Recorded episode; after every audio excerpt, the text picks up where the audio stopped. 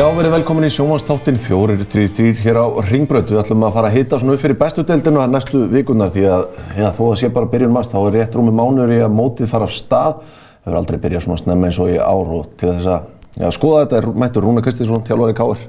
Verður velkomin og stuðnismæður Leopold, maður hefði nú getað valið sér betri mann en kannski púlaræðin í dag en hvernig fannst þið leikurinn í gerð? Hann var bara geggjaður sko, Já. fyrir mína menn. Já. Mjög gaman að horfa þetta en þetta mikið áfall fyrir United menn að hérna, tapa svona stórt. Það er alltaf, alltaf slæmt og liðið búið að vera að spila vel undanfærið og ná í góð úrslit þannig að þetta er svona kannski smá bakslag en, en, en hérna, gott fyrir mína menn. Við erum með þá í baráttu allavega um að ná þessu mistardeltasetti. Þurfum við ekki að reyna að ná fjórðarsettinu? Já, ég held að það sé, Það sé markmiðið? lítur vel út. Sko, bara þegar ég fór að setjast niður undirbúta viðtalum, horfið kannski yfir síðast tímabil hjá Káir. Niðurstaðan er fjórðarsæti sem er náttúrulega ekki eitthvað sem Káringar eru sátti með, en þegar maður horfir einhvern veginn á tímabilið í held, þau meðsli sem að genga á og hvernig hópurinn var að detta út, er ekki fjórðarsæti bara góð niðurstað þegar þú gerir upp allt tímabilið held? Jú, þegar maður gerur tímabili upp og skoðar meðslastöðun okkar og allt sem að gerðist á síðasta ári þá held ég að við getum bara vel við unnað uh, og ofan á það þá verð ég nú að segja að íslenska deildin er alltaf búin að styrkja skriðarlega undan fyrir ár og það er orðin það mörg góð lið sem er að berjast um þessi toppsæti. Þannig að samkeppnin er orðin miklu miklu meira en hún kannski var fyrir tíu árum síðan Þannig eru, þú veist, K.A. er í öðru seti fyrra og lið sem kannski, menn byggust kannski ekkert við þannig að stjarnan að byggja upp flott lið og F.A. kannski ekki kannski á þeim stað sem það er ætlis að vera í fyrra þannig að þú veist, það eru mörg mjög góð lið fyrir, þú veist, ofan á þá K.R. Val og Breiðablík og, og Víking sem kannski hafa verið ofalega undanfyrir ár en einhvað síður að þá held ég að við verðum að vera sáttu við fjórðarsætti með að við allt svona sem við lendum í með meðsli. Og eins og ég segi, niðurstaðan fjórðarsæti eftir tímabilið, menna, svona horfir bara það sem hefur gerst frá tímabilið, að það er svona, þú er að yngja upp hópi, hópin og það er kannski meðvitað að fara í það. Já, já, við erum svona smátt og smátt búin að vera að reyna að, að gera breytingar og núna mistum við marga eldri leikmenn á einu bretti og höfum svo sem alveg viljað halda í einhver af þeim en, en, en uh, ég held að við höfum gert uh, ágætlega vel í því að sækja bara yngri leikmenn og yngja lið okkur tölvört upp, fá ferskari lappir og, og uh, þú veist bara já, reyna að þú veist, taka þessa breytingu alla leið. Ég held að við kannski farið full, full hægt í, í hann undanfarn ára en, en núna, e, þú veist, það var kannski auðveldari fyrir okkur núna að ná í leikmenn, að, þessa yngri og, og það var kannski meira frambóð og það hjálpa líka. Það er frambóðið mjög misjæmt á milli ára þannig að ég held að við höfum allavega náðu að gera ágætlega vel á, á, e, svona þó svo kannski að hópurinn, þetta er alltaf seint klár hjá manni, tekur tíma og, og, en einhvað síður eru við þokkalega sáttu við stöðuna í dag. Kannski breytingin líka, er- það er nýra aðstofþjálfur með tvo í fyrra, Sigurvin og, og Bjarnar núna, er það norski Óli Martin, hefur hann komið sterkur inn í þetta? Já, mjög. Ég er mjög ánægð með Úli og hann er uh, mikla reynslu. náttúrulega, uh, 29 ára, kornungur, hann er búinn að þjálfa í 10 ár, Já. mjög víða og reynslu af uh, mörgum deildum í Nóri og ekki síst á síðastliða ári í efstu deild með færum þjálfurum og með alla aðstöðu sem að uh, gerast best á Norrlöndunum í, í Víkings í Stavanger. Þannig að hann er að koma inn með fullt af nýjum hugmyndum fyrir mig og, og KR og, og hressir aðeins upp á svona kannski það sem ég er búinn að vera að gera. Uh, nýjar aðferðir við að æfa, hvernig við æfum, hvaða æfingar við gerum og, og uh, nýtt fyrir strákana. Ég held að við þurftum eitthvað ferskt og nýtt inn í þetta og með bara bæði yngra liði og svo með þá leikmenn sem er búin að vera kannski mörg ár hjá okkur þá held ég þetta sé bara góð byrjun og við erum mjög sátt við það sem að hann hefur lagt til og, og gert fyrir okkur. Mm Talaði við hann bara eftir hann skrifa undir það og svona talaði um að hugmyndafræði ykkar varandi fótbolta væri kannski svipuð þannig að það er engin, engin ágreiningsmál ykkar á milli. Nei, alls ekki. Við erum uh, mjög nálægt hver öðrum í því hvernig við viljum spila. Uh, förum vel yfir það alltaf, þú veist, fyrir allar æfingar og alla leiki, hvernig við viljum leggja fram okkar taktík og hvernig ég vil gera þetta. Uh, og við verðum alltaf á endanum að komast að niðurstöðu sem að ég tek loka ákvörðun um, en, en hérna, hann er mjög klár í þessum fræðum, hefur komið nýja punta inn í, inn í þá hugmyndafræði sem ég hef vunnið með sem að ég hef bara gott að fá ferskan mann inn og hugsanlega nýjar hugmyndir og aðeins nýja rödd inn í klefa, nýja rödd á æfingarsvæðið og þetta er svona smá nýbyrjun fyrir marga leikmenn. Já. Sko, en hvernig fyrir hann komandur atvinnumann umhverfi að mæta í þá aðstöðu sem að þið káringar hafðu þurft að búa í síðust ár? Hann, sko, eins og ég segði áðan, alltaf búinn að þjálfa í tíu ár í alls konar, Já. þú veist, deildum. Hann er búinn að í þriðu deild, annari deild, fyrst deild og svo úrvalsdeild. Þannig að hann hefur unni við sömu aðstöður við. Það sem okay. að það kannski er ekki hægt að kaupa allt sem þú vilt mm. að tækjum og tólum. Þú ert ekki með, uh, þú veist, fótballtavöllin sem þú ætlar að æfa og hann er ekki alltaf bara auður fyrir þig þegar þú vilt æfa og, og við þurfum aðeins að vinna eftir þessum hlutum og hann hefur gert það sjálfur þar sem hann hefur þjálfað áður erlendis í í, ja, sérstaklega í fyrstdeildin í Noregi þar sem var svona álíka uh, lið og, og kannski káer uh -huh. uh, hvað aðstöðu var þar -huh. að, að, þá þekkir hann þetta og hann aðlæða sig að þessu Já. En bara svona með það, hversu langþreyttur eru þið káringar orðnir á þessu aðstöðuleysið sem þið búið að horfin út í betri vegar? Já, ég, sko, aðstæðin er ekkert alls slæm en, en veist, við sem þjálfarar og við viljum reyna að, að bæta og við viljum geta æft einir mm -hmm. þeirra, og verið með allan völlin einir alla daga vikunar en það gengur ekki upp. Mm. Við þurfum stundum að deila völlinu með fjóraflokk og þriðaflokk og það er gott fyrir félagsandan og gott fyrir félagið en það er stundum doldið tröflun. Mm -hmm. uh, ef þetta ætti að vera alveg 100% aðdurumennska skiljur þá myndum að vilja hafa völlin alltaf, allan, uh, út af fyrir sig. En þetta er nú vetramánuðinir og við komumst í gegnum þetta og mm. við erum bara vanir þessu. Þetta Já. er bara okkar norm ef maður orðaði þannig. Uh, þannig að auðvitað eh, langar okkur og erum farnir að býða doldið eftir því að fá aðeins betri aðstöðu fyrir okkar leikmenn. En, en það kemur og það eru menn að vinna hörðum hundum í Vesturbænum að, að reyna að laga þetta og, mm -hmm. og alls konar tekníkar klárar og hugmyndir í gangi og þetta er komið doldið langt á veg skilsmanni. Þannig að innan fara ára held ég að aðstóða káur verður orðin glæsileg og, og hérna og menn geta farið að æfa kannski örlítið betur en, en mm en ég minna við höfum alveg unni till og tapast till þráttir allt þetta þannig að ég ætla ekki að kvart og mikið yfir þessu, þetta er bara þessu aðstæða sem við búum við og við þurfum bara að reyna aðla okkur að því. Mm -hmm.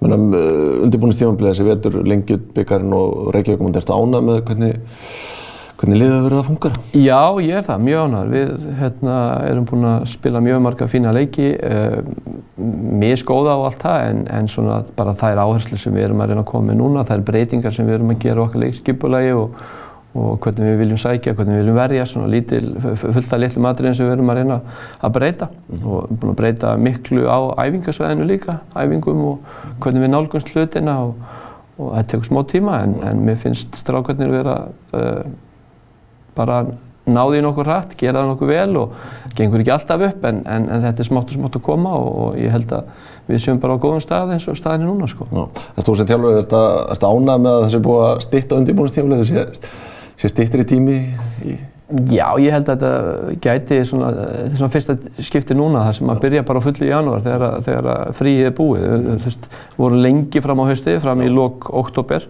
svo var eitthvað smá frí og æðum eitthvað aðeins fram á jólum en svona frá með janúar þá var maður bara, þá verðist það svo stutt í móti þegar við að byrja 10. apríl að það fer allt svona aðeins, eh, fer á fullt og ég held að þetta sé skemmtileg breyting hvað þetta varðar og, og en kannski mótið fyrra var kannski fór aðeins svo langt inn í árið já. svona út af, já, veist, mikið af fríum, mikið af hlýjum og, og, og svona alltaf erum við fram í lóku oktober þegar allra veðraði vonu en við vorum hefnir fyrra og sem betur fyrra þá enda þetta vel. Já.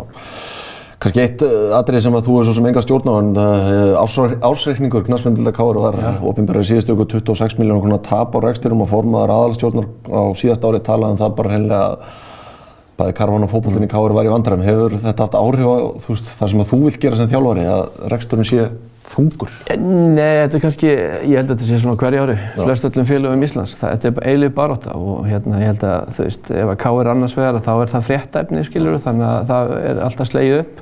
Eh, það eru fleiri félög í, á Íslandi í knastbyrni sem er að skila svipuðum tölum eða meira tabi en það þykir kannski ekki fyrir Ég fór í reynda að finna alla ásreikningi í síðustu og fann bara þrjá sem voru komnir allavega á, á neti Já, en þetta er svo, ef við náum ekki Evrópakefni, mm. þá náttúrulega sjá menn fram á stórt gatt og, og menn eru stundum að leggja taka smá sénsa og, og stefna á það að vera í topp þreymur. Þannig hefur þetta alltaf verið í káður. Þannig að árinu mísjöfn. Það sem kannski hefur uh, gert það verkum að við erum kannski aðeins setni til núna að ná okkur í þessa leikmenn og, og finna þessa leikmenn sem við viljum fá.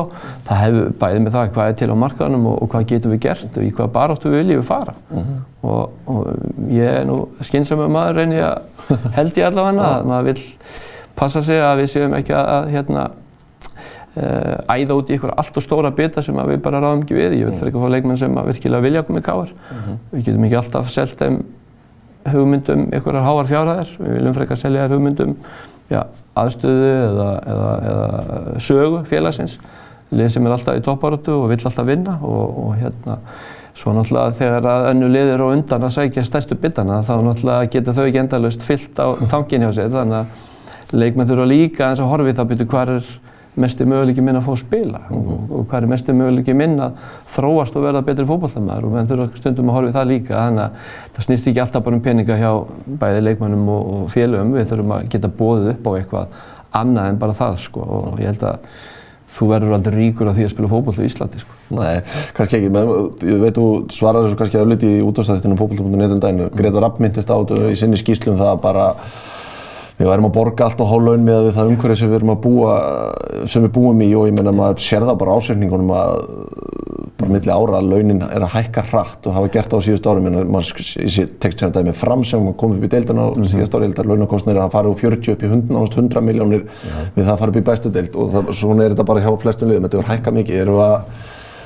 veist, og maður, svo, svo sér maður taprekstur hjá mörgum, þú veist, er þetta kemur ekki að því að einhvern tíman þetta fari tilbaka er kannski eðlilegt horf Jú, já, þetta fer nú oft eins og, eins og eitthvað jójó, þetta fer aðeins upp og svo, þetta dettur kannski ekki alveg jafn langt niður þetta hefur verið en, en eh, droppar eitthvað aðeins en ég, þetta er bara orðið kostnæður með það að reyka knastbundild og, og reyna að halda lið í efstudild, þetta bara kostar óbúslega mikið. Uh -huh. og ég menna, þú veist, þetta er erfiður ekstur, þetta er gríðarleg uh, vinna sem að stjórnamenn félagana og stuðnismenn er að leggja á sig til að reyna að hjálpa til og leggja hönd á plóin uh, eh, og, og maður veitir allt þetta fólk sem er að, í sjálfbúavinnu að reyna að sapna peningum og til að láta þetta ganga en, en, en það vilja allir sínum félögum vel Já.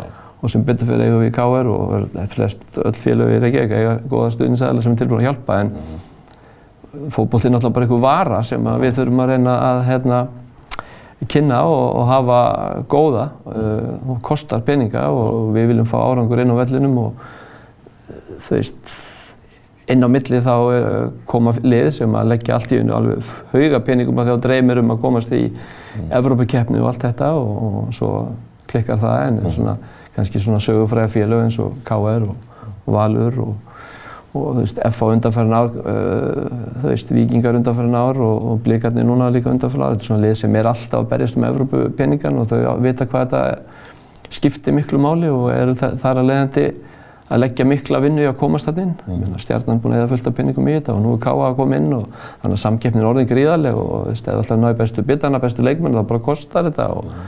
svo er það bara stjórnarmann að sjá betur hvað, hversu miklu getur við sapnað og getur við reykið þetta sómasamlega. Mm -hmm. Þetta, þetta er, ég held að þetta er svona allstar, ég held að þetta sé líka svona í Evrópu, ég menna að þau stærstu félagin í Evrópu eru bara að reyna að berjast ykkur með við núlið og halda þessu gangandi sko. Já, ég held að með þess að liðið á England, nei á Spáni og Ítali allan, þau eru ekki alltaf að borga á réttum tíma, þannig að fókbaltinn er, þetta er víða í, í, í þessu. Við ætlum að skella okkur í auðlýsingar og fórum svo að ræða fókbaltan, hættum að tala um penninga. Já.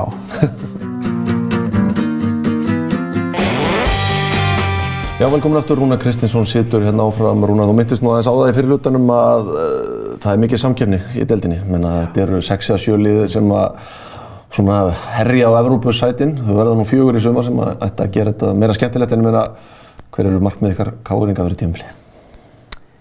Þau eru nú bara eins og alltaf. Veist, við ætlum að reyna að berjast um Evrópussæti, koma okkur í topp þrjá eða fjóra þar sem við getum gefið Evropasæti og þetta viljum við nálgast uh, þessi topplið sem að voru tölvört undan okkur í fyrra mm. og uh, berjast um einhverja tilla. Það er engin, ekkert launungumál en eins og ég hef oft sagt á þér og sagði aðan, deildin er sterk, jöfn, það voru mörg góð lið og mm -hmm. hlutin þurfa að ganga upp og það, þú veist, þú þurft að vera heppin með meðsli og ímislegt annað til að halda leikmannahófnum heilum og mm -hmm og, en við teljum okkur við allavega að búa til lið sem að getur barist þarna uppi allavega með Evropasæti og, og vonandi eh, getum við farið eitthvað lengra það. Já. Markvarðarstaðan hjá okkur, þú var, var alltaf planið að sækja markmann til að keppa við Aron Snæ eftir að á hvað? Já, Aron var bara einn eftir og, og svo verðum við með Sigur Pálstrák sem var að koma bara öðrum flokk og, og hefur verið að spila örlítið með KVF í fyrstildinu fyrra og, og við viljum að vegferð hans verði kannski áfram þar, fáið fullt af leikjum en, en þannig að okkur vantaði mann inn í markmannsteimið. Við getum ekki farið bara með einn og, og ungan og óreindan annarflokksstrák uh, sem var að koma upp úr öðrum í, í, á varamannabeknum þegar það er mikilvægt fyrir okkur að hafa tvo góða markmenn. Uh -huh. uh, þannig að við vorum svona allan tíman vissur um það að við myndum sækja einn markmann, bara spurning í hvaða gæðaflokki við myndum sækja. Í hvaða gæðarflokki er Símen Kellywold? við vonum bara eins og alltaf að þegar við sækjum leikmenn að þá erum við að reyna að sækja okkur sérstaklega erlendis frá að þá teljum við að vera að sækja leikmenn sem að eh, eiga að vera í byrjunli. Mm -hmm. Það er bara þannig. Við sækjum ekki útlendinga til að vera varamenn, Nei.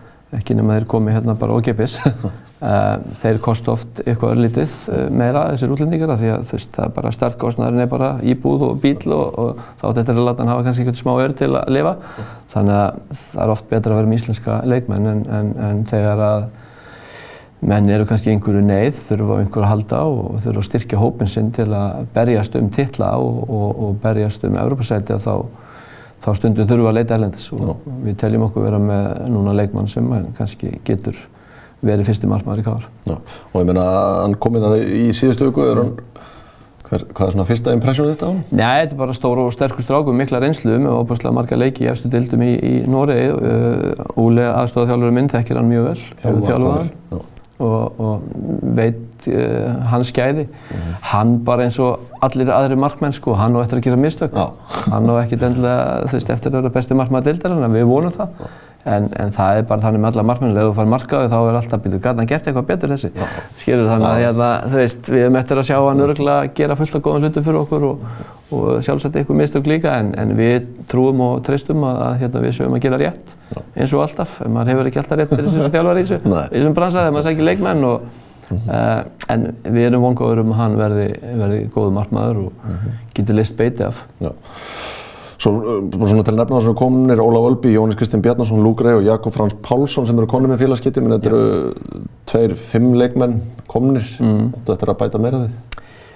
Nei, við eh, eigum ekki vonað því. Það er náttúrulega Benóni Breki er að hafa með okkur og við erum bara að býja til félagskiptum og vonað að það gangi í gegn sem fyrst. Mm -hmm.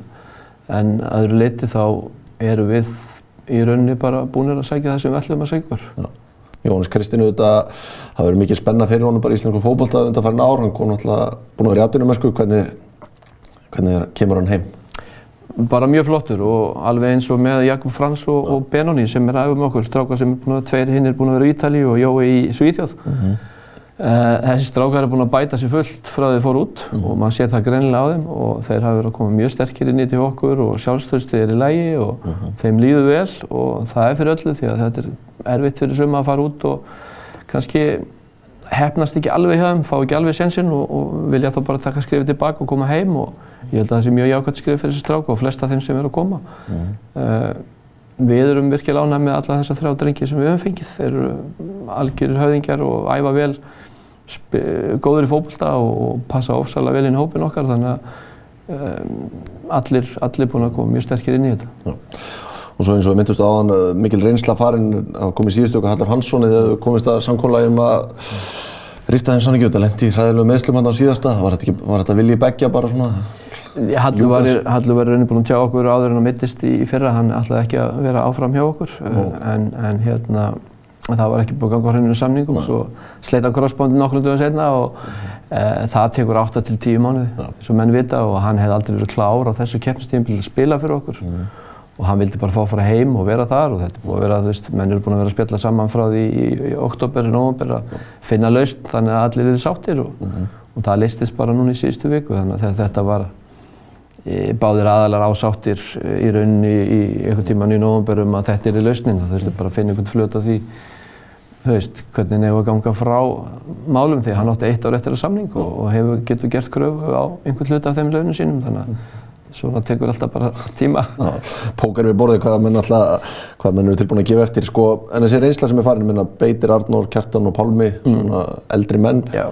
finnur fyrir því að Eh, Já, sko, í rauninni eh, ofsalega leðilt að missa allar stráka, þetta er algjörðu toppmenn eh, en, og mikið reynsla sem fer úr klefanum, en á móti kemur að þá erum við með stráka þarna sem að þurfa bara að taka við keflinu, taka, eh, verða leiðtóðar inn í klefanum og, og, stýra liðinu áfram inn í svona kannski já, nýja tíma með nýjum aðstofaþjálfara og nýju sístemi, yngra lið og, og þá þurfa einhverjur að stígu upp. Og við erum með stráka eins og Kristján Flóka og Greta Snæ og Ægi sem er búin að vera þarna tölvan tíma. Og svo er Kristján Jónsson ennþá hjá okkur. Þannig að þú veist, Theodor Elmar með Theodor með- Elmar með sína reynslu. Þannig að veist, þessi strákar taka bara við keflinu og þetta er bara eðli fótboll, fótbolltans og uh, ungu strákarnir eru búin að aðlagast mjög vel þessu, þessum nýju ja, þessum breytingum sem hafa orðið inn í klefa kannski en, en það eru mjög jákvæðar og ég held að þetta er um, söknuður í því að, að þeirra fótbolltamenn hætta og menn sem hafa gert eh, frábæra hluti fyrir félagið og allir þessi sem þú nefndir hafa gert það og það er alltaf söknuður í því, sama hvernig það gerist og, og eh, þú veist, þeir eru búin að þjóna félaginu vel og, og voru að verða þeir miklu káringar bara það sem eftir verður. Já, Kristján Flóki, þetta svona, það var í raun hægt að flokka hans sem nýjan leikmann því að hann misti svo stóran hlutu út á síðast tímbili. Hvernig er standið á honum núna? Uh, bara hægt og bítandi að alltaf koma hjá honum sko. Við erum búin að vera að spila honum varlega núna í vetur uh, til þess að, að hérna, að því hann misti nánast átta mánuði fyrra, eða sjö. Uh, spilaði síðustu, kom inn á einhvern síðustu fjórum-fimm leikjunum, spil, náði aldrei heilum leik og í rauninni spilaði hans me- meira en við áttum að láta hann spila. Já. Þannig að við erum búin að fara varlega með hann í vetur. Hann er, hann hérna er með einhverja plötu í öklunum og veist, hann gæti ekki spilað þeir leikir í, í Reykjavík-mótinu af því að hérna, hún í rauninni var bara frosinn, það var svo kallt úti. að hún var bara kallt inn í öklunum, þannig að hérna, við letum hann ekkert spila en, en þetta er alltaf koma hjá honum. Hann er spilaði 60 mínútur í síðustu leik hjá okkur og, og við erum svona bæta við hann mínútum í hverju leik sem líður og bara verður spennandi að sjá hvort að hann nái að þú veist, vera þessi gaur sem skorar fyrir okkur eitthvað að mörgum. Við þurfum Menn hann er hæfileika til þess að þú veist, vinna leiki fyrir bara káður. Já, algjörlega og hann náttúrulega bara uh, hefur verið í samkeppni undan fyrir ár og, og hérna byrjaði hjá okkur náttúrulega þegar hann kom að spila á kant, kantinum. En hann er verið nú bara sendur hjá okkur núna og vonandi eins og hann átti að vera í fyrra og var í gríðarlega flottu standi bara rétt fyrir mót þegar hann fótbrotnaði. Þannig að við erum að reyna að koma hann á þann stað aftur núna og þá vonandi getur hann skorað eitthvað að mörgum fyrir okkur. Þú myndist á Kristinn Jónsson hann, ég minna varnalínan var svona það sem að var mestu hausverkunum fyrir þeir sem þjálfari fyrra að púsla saman þeir náðu eiginlega aldrei að vera allir fjórir hérna svona þessi fjóri fyrstu allavega eins og maður horfði á þeirri mót. Er, er heilsan á varnalínunni betri núna? Finnur Tómas Já, þeir eru Kitty, Kenny, Finnur Tómas, allir í fínu standi, Greta Snær að spilaði mikið í fyrra líka og er í fínu standi og svo er náttúrulega búin að fá Jakob Frans inn núna og, og svo erum við Pontus uh, Svíjan sem var hjá okkur í fyrra og, spilaði tölvört mikið. Þannig að uh, við erum ágætlega standir þar, uh, allavega meðslega séð erum við í lægi að þá. Já. Það var í fyrra, fyrsta skipti, þessi, þessi tvískipting á deildinni. Hvernig, hvernig var að taka þátt í þessu? Hvernig fannst þetta? Jú, eh, mér er alveg á því að það sé lægi að prófa þetta og allt í góðu með það en menn töluðu dálítið um að þetta væri kannski one of a kind, skilur, að, að, að, að eitthvað lið búið að stinga af. Já. En þannig var þetta búið að gerast þrísvar á síðustu fjórum kemstíðanbílum. Káur 2019, Valur 2020, Já. COVID árið. Um, 21 uh, unnu reyndar, það hefði hugsanlega orðið ofbúslega spennandi mót Já. ef að það hefði klárast í úrslutakeppni þegar vikingar kláruðu þetta. Mhm. Og svo í fyrra þá voru bleika búin að stinga af þannig að í rauninni er þetta, ef við höfum verið búin að vera með þetta í ár þá varum við búin að þrjú búin að vera leðileg og eitt skemmtilegt. Þetta snýst alltaf um það sko, hvernig mótið spilast, er, er þetta jaft mótið ekki. Svo held ég að neðri hlutin sé ekkert sérstaklega skemmtilegur ef maður myndi lenda þar í eins og fram á Keflavík fyrra í, í, í sjöunda og áttunda sæti og þú veist, höfðu ekki henni eina að keppa. Og það væri slæmt ef að þessi lið ætlu til dæmis að fara bara að nota annarflokkin sinn til að spila á móti næsta liðinu og spila svo með besta liði sitt á móti næst næsta liðinu í næsta leik, skilur við þar sem að vera ójæft í liðum og, og menn var að gefa stig hinga og þanga. Þannig að þetta er svona dálítið hættulegt að einhver leiti en vonandi að fara ekki menn í þann pakka. En, en þú veist, ef það er spenna á öllum vikstöðum þá er þetta örgulega óbúslega skemmtilegt fyrir áhörundur og, og leikmenn liðana, þjálfara og allt það. En þegar þetta þróast eins og þetta gerir fyrir þá er svona spennandóldi farin þegar, að- þegar að, hérna mótið er kannski leikir eins og fyrir að blíkandi búin að vinna þetta eftir fyrstu umferð úrslutikefnir í fyrra held ég eða aðra að þá, þá er bara mótið búið. Og við vorum reyndar eitthvað smá keppni um annarsæti og annars slíkt en svona getur fallið í báðar áttir. Já, og eins og mér, ég held að bara frá bara síðustu 15 ára aftur í tíman það verður þetta svona tvær í rauninni alvöru titilbaráttur sem hefur farið fram, það var FH Stjarnan hann og svo, svo breyðablík vikingur í- fyrir tveimur árum en sko það mun vantilega svolítið muna miklu bara ef maður horfður til síðast tímabilið hefði þetta fjórðasæti verið Evrópusæti því að Valur, Stjarnan og Káar voru þar öll í Já. svona á svipuðu reiki það hefði náttúrulega búið til mikla spennu þarna. Algjörlega og það held ég að sé kannski auka bónus sem við erum að fá inn í þetta núna að þetta auka Európa-sæti gera að verkum að það kannski verður um um meira að keppa, Mhm. sérstaklega efri hlutunum þá, en, en. En, það vilja náttúrulega allir uh, setja stefnun og komast í efri hlutin, þannig að það, er, það byrja allir með núlst í deildinni, þannig að það geta allir barist um að komast náttúrulega, þannig að menn þurfa bara að reyna það. Uh, ég held að þetta er áhugavert að prófa þetta. Ég, nú veit ég ekkert hvað þetta á að vera lengi, en, en, en þetta, er, þetta er áhugavert. Nákvæmlega. Uh, Þið eru að fara út á föstudaginn æfingarferð, er það svona síðasta púslið á undirbúinustímanbílun að slípa þetta saman? Já, já, þetta er svona yfirleitt móralskar ferðir. Það er að æfa vel og, og, og vinna í ykkur smáaturum og, og alltaf gott vantarlega og við getum unnið uh, góða vinnu þar í viku tíma og komum svo heim og þá er ykkur kannski þrý ræfingarleikir eftir samkvæmlega mótið byrjar. Þannig að það er uh, skemmtileg tíma fram, framundan og þegar svona veðrið er búin að vera eins og í síðustu viku, mjög gott og, og gott, þá er þetta svona ferið sér fyrir einhver að koma og tala um þegar maður er búin að fara og er erlendis að, í æfingarferða, þá er alltaf gaman að svona þá ertu svona farin að setja svona loka hnikkin í margt af því sem þú ert að gera og farin að vinna í smá aðdröðum og farin að svona finnum maður að móti er að nálgast. Rúnar, bara takk kjalla fyrir að koma og gangi ykkur allt í hæginn. Við verðum aftur hérna eftir sletta viku, þangað til.